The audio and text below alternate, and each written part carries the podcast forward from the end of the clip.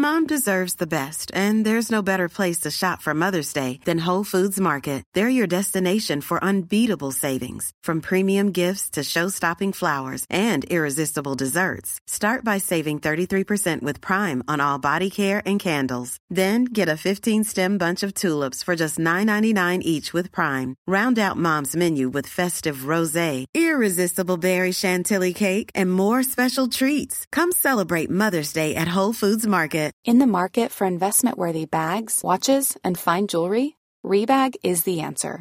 Rebag is a luxury resale platform where each piece is carefully inspected by experts to ensure quality and authenticity. Use Rebag to buy and sell finds from the world's top brands, including Louis Vuitton, Chanel, and Cartier. Head to Rebag.com and get up to 15% off your first purchase as a member with code REBAGNEW. Shop today at Rebag.com. That's R E B A G.com. And use promo code REBAGNEW for up to 15% off your first purchase as a member.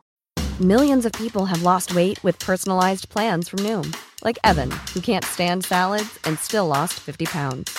Salads, generally, for most people, are the easy button, right? For me, that wasn't an option. I never really was a salad guy. That's just not who I am. But Noom worked for me. Get your personalized plan today at Noom.com. Real Noom user compensated to provide their story. In four weeks, the typical Noom user can expect to lose one to two pounds per week. Individual results may vary.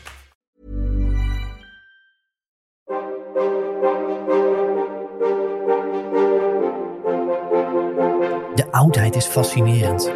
Een enorme puzzel waarvan we stukjes hebben. En heel veel stukjes ook niet.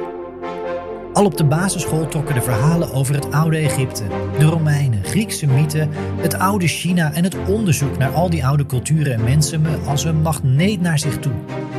En ik wil meer. Graag neem ik, Timo Epping, je in deze podcastserie mee op reis naar het verre verleden. Ik ga in gesprek met wetenschappers die ons in iedere aflevering een uurtje meenemen in hun eigen onderzoek. Hun eigen zoektocht naar de oudheid. Het is tijd voor de oudheid.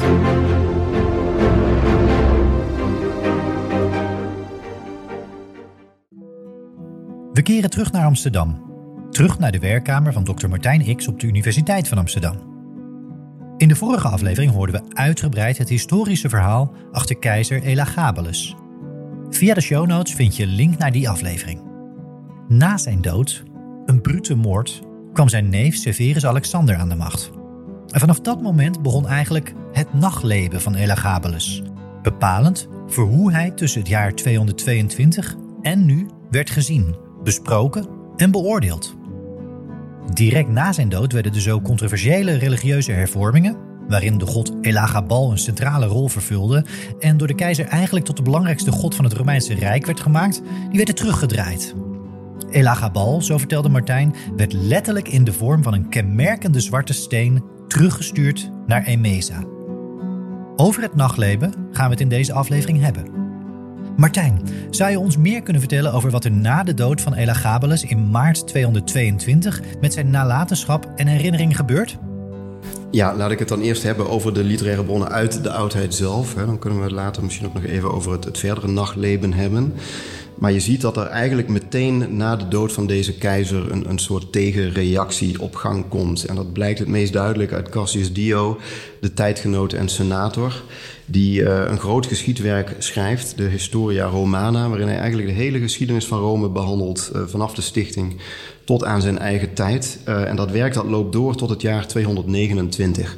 Dus tot ergens in de regering van Severus Alexander. Waarschijnlijk omdat Dio daarna ook is overleden. We weten dat hij nauwe banden met Severus Alexander had. Hij bekleedt bijvoorbeeld ook een tweede consulaat onder die keizer. En Severus Alexander zal er natuurlijk alles aan gelegen zijn om zich te distancieren van zijn voorganger. En om die voorganger zo negatief mogelijk af te schilderen. Om ook te rechtvaardigen dat hij tegen zijn eigen neef in opstand is gekomen. En met het bloed van zijn neef aan zijn handen eigenlijk op die keizerstroon terecht is gekomen. Dat moet je op de een of andere manier rechtvaardigen. Uh, dat wil niet zeggen dat ik denk dat als Cassius Dio helemaal vrij zou zijn geweest om te schrijven wat hij dacht, dat hij dan een heel erg ander, veel positiever beeld van Elagabalus geschetst zou hebben. Ik denk dat Dio ook gewoon vanuit wie hij was en hoe hij naar de wereld keek, meer dan genoeg reden had om af te geven op dit regime. En hoe het allerlei Romeinse religieuze tradities met voeten trad, uh, hoe de Senaat gekoeioneerd werd enzovoort. Dat zal ongetwijfeld genoeg zijn zijn geweest om hem tegen Elagabalus te doen keren. Maar daar komt dus als extra dimensie nog eens bij dat hij schrijft onder een regime wat er ook alle politieke belang bij had om die voorganger in een kwaad daglicht te stellen. Uh, wat dat betreft is Herodianus, die een generatie later schrijft, dus eigenlijk alweer iets vrijer, want dan is de Severische dynastie niet meer aan de macht en spelen er dus ook geen dynastieke belangen meer mee. Dus er is geen keizer meer die over je schouder meeleest of je wel in het belang van de dynastie schrijft. Uh, maar niettemin op dat moment is die negatieve traditie ook al zo sterk geworteld. En uh, Herodianus beroept zich voor een deel ook op Cassius Dio, dat het eigenlijk vooral in diezelfde lijn voortgaat. Um, en de Historia Augusta, die dan nog weer eens anderhalve eeuw later schrijft, ja, die lijkt eigenlijk vooral een soort van schertsfiguur van hem gemaakt te hebben. Er zit dus wel een historische kern in die biografie, met name in de eerste hoofdstukken, waarin ook nog wel wat verifieerbare feiten staan, met name over de koep tegen de keizer, uh, waarin ook een aantal namen genoemd worden die door andere bronnen bevestigd worden. Dus het is niet vol, volslagen fictie wat we daar lezen, maar al heel snel uh, gaat de fantasie daar aan de haal met de auteur. Uh, en dan dist hij de meest fantastische verhalen over deze keizer op, die vaak vooral heel erg te maken hebben met een ongebreidelde wilde zucht die hij tentoongespreid zou hebben. Hij zou zelfs zijn honden ganzenlever hebben gevoerd. Hij zou banketten hebben gehad waarin hij alle gerechten op kleur liet serveren. Dus de ene gang was blauw en de andere was dan weer groen. Hij liet uh, wilde dieren los op zijn banketgasten of bedolf ze onder een regen van bloemblaadjes zodat ze erin stikten.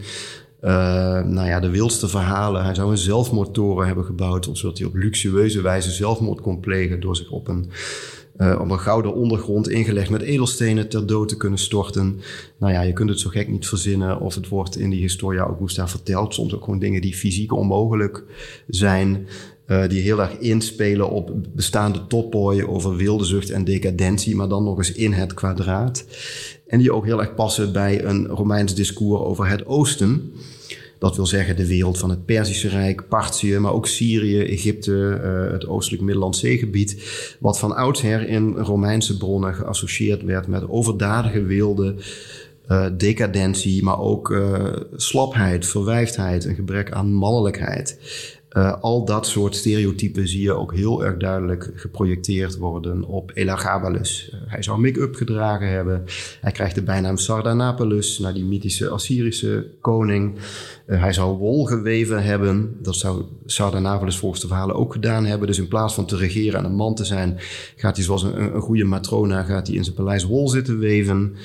Uh, hij, hij, gaat zich te buiten aan allerlei uitspattingen. Hij is kortom gewoon geen echte kerel. En uh, het meest dodelijke verwijt is misschien nog wel dat als hij naar het legerkamp ging, dat hij dan zijn oma mee moest nemen om gezag af te dwingen, omdat hij dat op eigen kracht niet kon.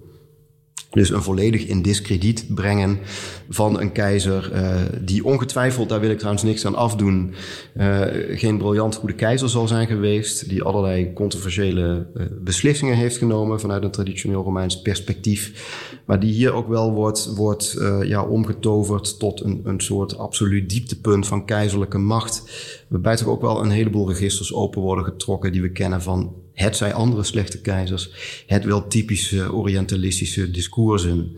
Uh, dus daar herken ik toch wel een heleboel van als je de, de levens van deze keizer leeft, leest. En in die zin denk ik dat er dus ook wel degelijk sprake is van karaktermoord. Een pakket verhalen, standaard verwijten en beschuldigingen in de richting van keizers na hun dood om de herinnering nadrukkelijk naar het negatieve te trekken. Dat zijn de bekende topoi waar Martijn het over had.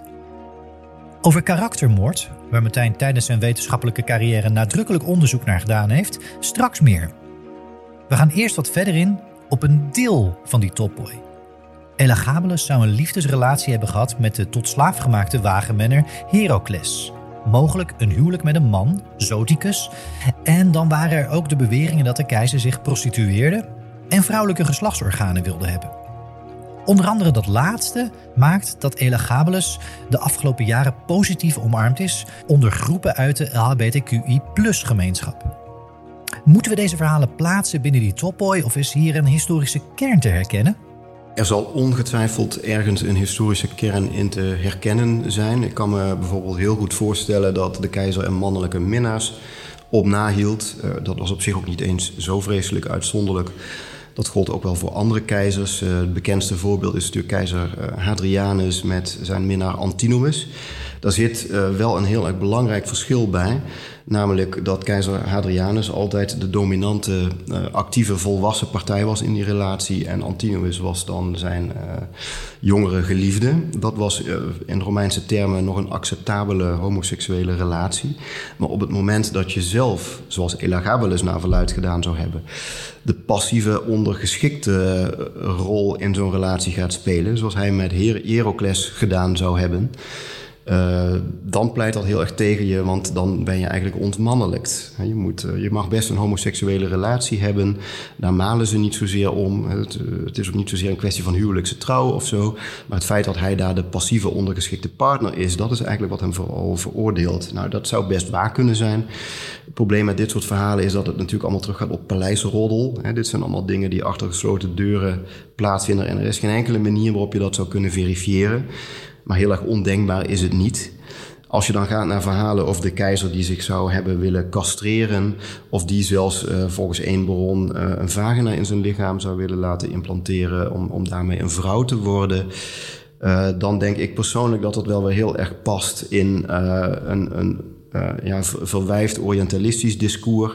Er wordt ook expliciet een link gelegd met de Galli. Dat waren een soort van uh, uinig priesters in Rome die er ook om bekend stonden dat ze zichzelf ontmanden. En die ook een zwarte steen uh, aanbaden, namelijk Magna Mater, die zich ook in Rome bevond. Dus ik denk al, dat alleen al het feit dat we hier te maken hebben met aanbidders van een zwarte steen genoeg was om de keizer daarmee te associëren en zeggen, oh ja, als die priesters van die zwarte steen zichzelf willen castreren, dan zal deze dat ook wel willen. Die link ligt best wel voor de hand, zonder dat dat waar hoeft te zijn. Als we naar munten en bustes van de keizers kijken, dan zien we dat hij daar wel degelijk in zijn latere regeringsjaren met snor en beginnende baard wordt afgebeeld.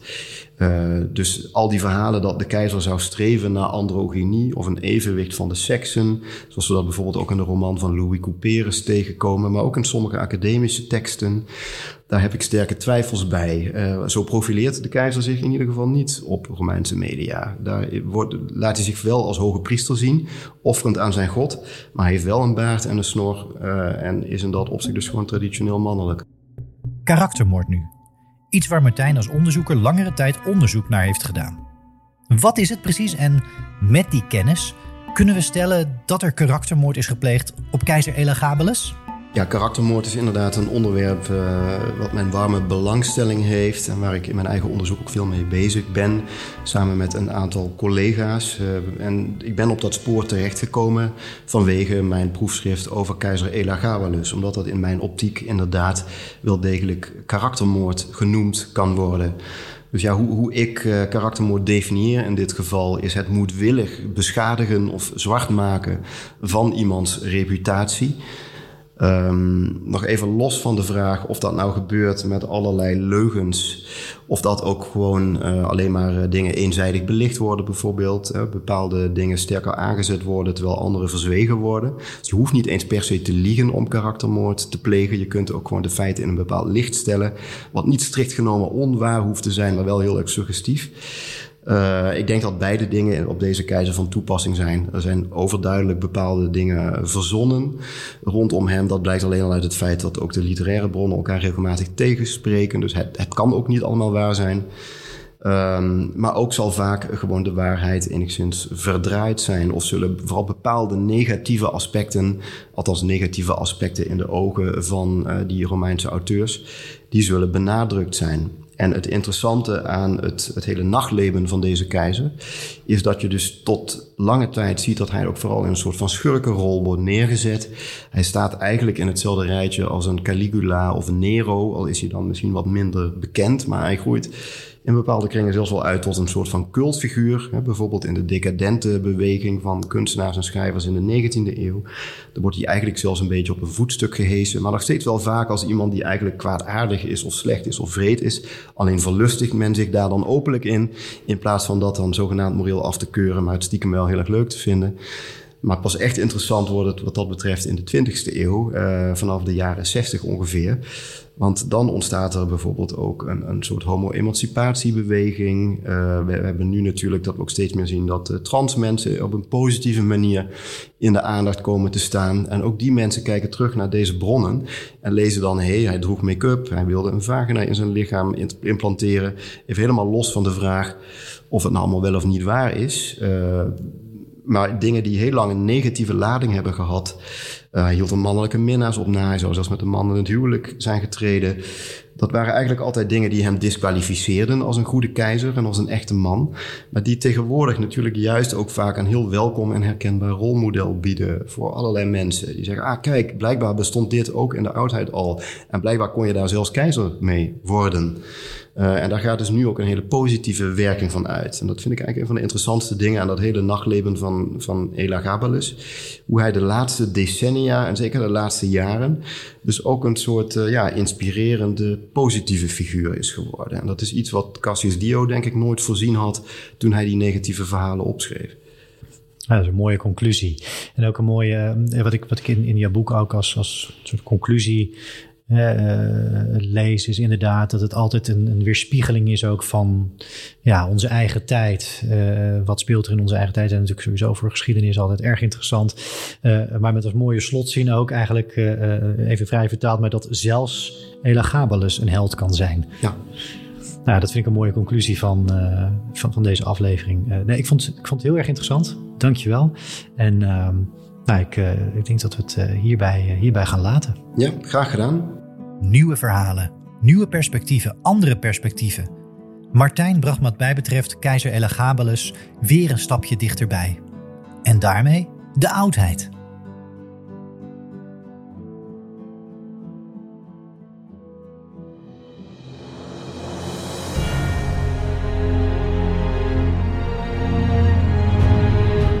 Dank je voor het luisteren naar De Oudheid, de podcast over het verre verleden.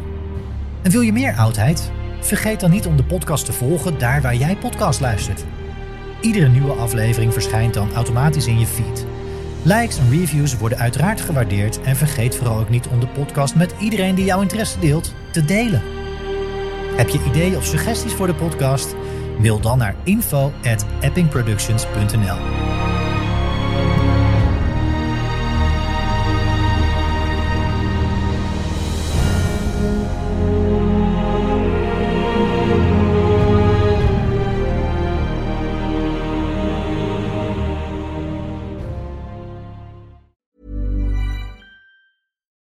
deserves the best, and there's no better place to shop for Mother's Day than Whole Foods Market. They're your destination for unbeatable savings, from premium gifts to show-stopping flowers and irresistible desserts. Start by saving 33% with Prime on all body care and candles. Then get a 15-stem bunch of tulips for just $9.99 each with Prime. Round out Mom's menu with festive rosé, irresistible berry chantilly cake, and more special treats. Come celebrate Mother's Day at Whole Foods Market. Hey, it's Danny Pellegrino from Everything Iconic. Ready to upgrade your style game without blowing your budget? Check out Quince. They've got all the good stuff shirts and polos, activewear, and fine leather goods, all at 50 to 80% less than other high end brands. And the best part? They're all about safe, ethical, and responsible manufacturing. Get that luxury vibe without the luxury price tag. Hit up quince.com slash upgrade for free shipping and 365 day returns on your next order. That's quince.com slash upgrade. Planning for your next trip? Elevate your travel style with Quince. Quince has all the jet setting essentials you'll want for your next getaway, like European linen, premium luggage options, buttery soft Italian leather bags, and so much more. And is all priced at 50 to 80% less than similar brands. Plus, Quince only works with factories that use safe and ethical manufacturing practices. Pack your bags with high-quality essentials you'll be wearing for vacations to come with Quince. Go to quince.com/pack for free shipping and 365-day returns.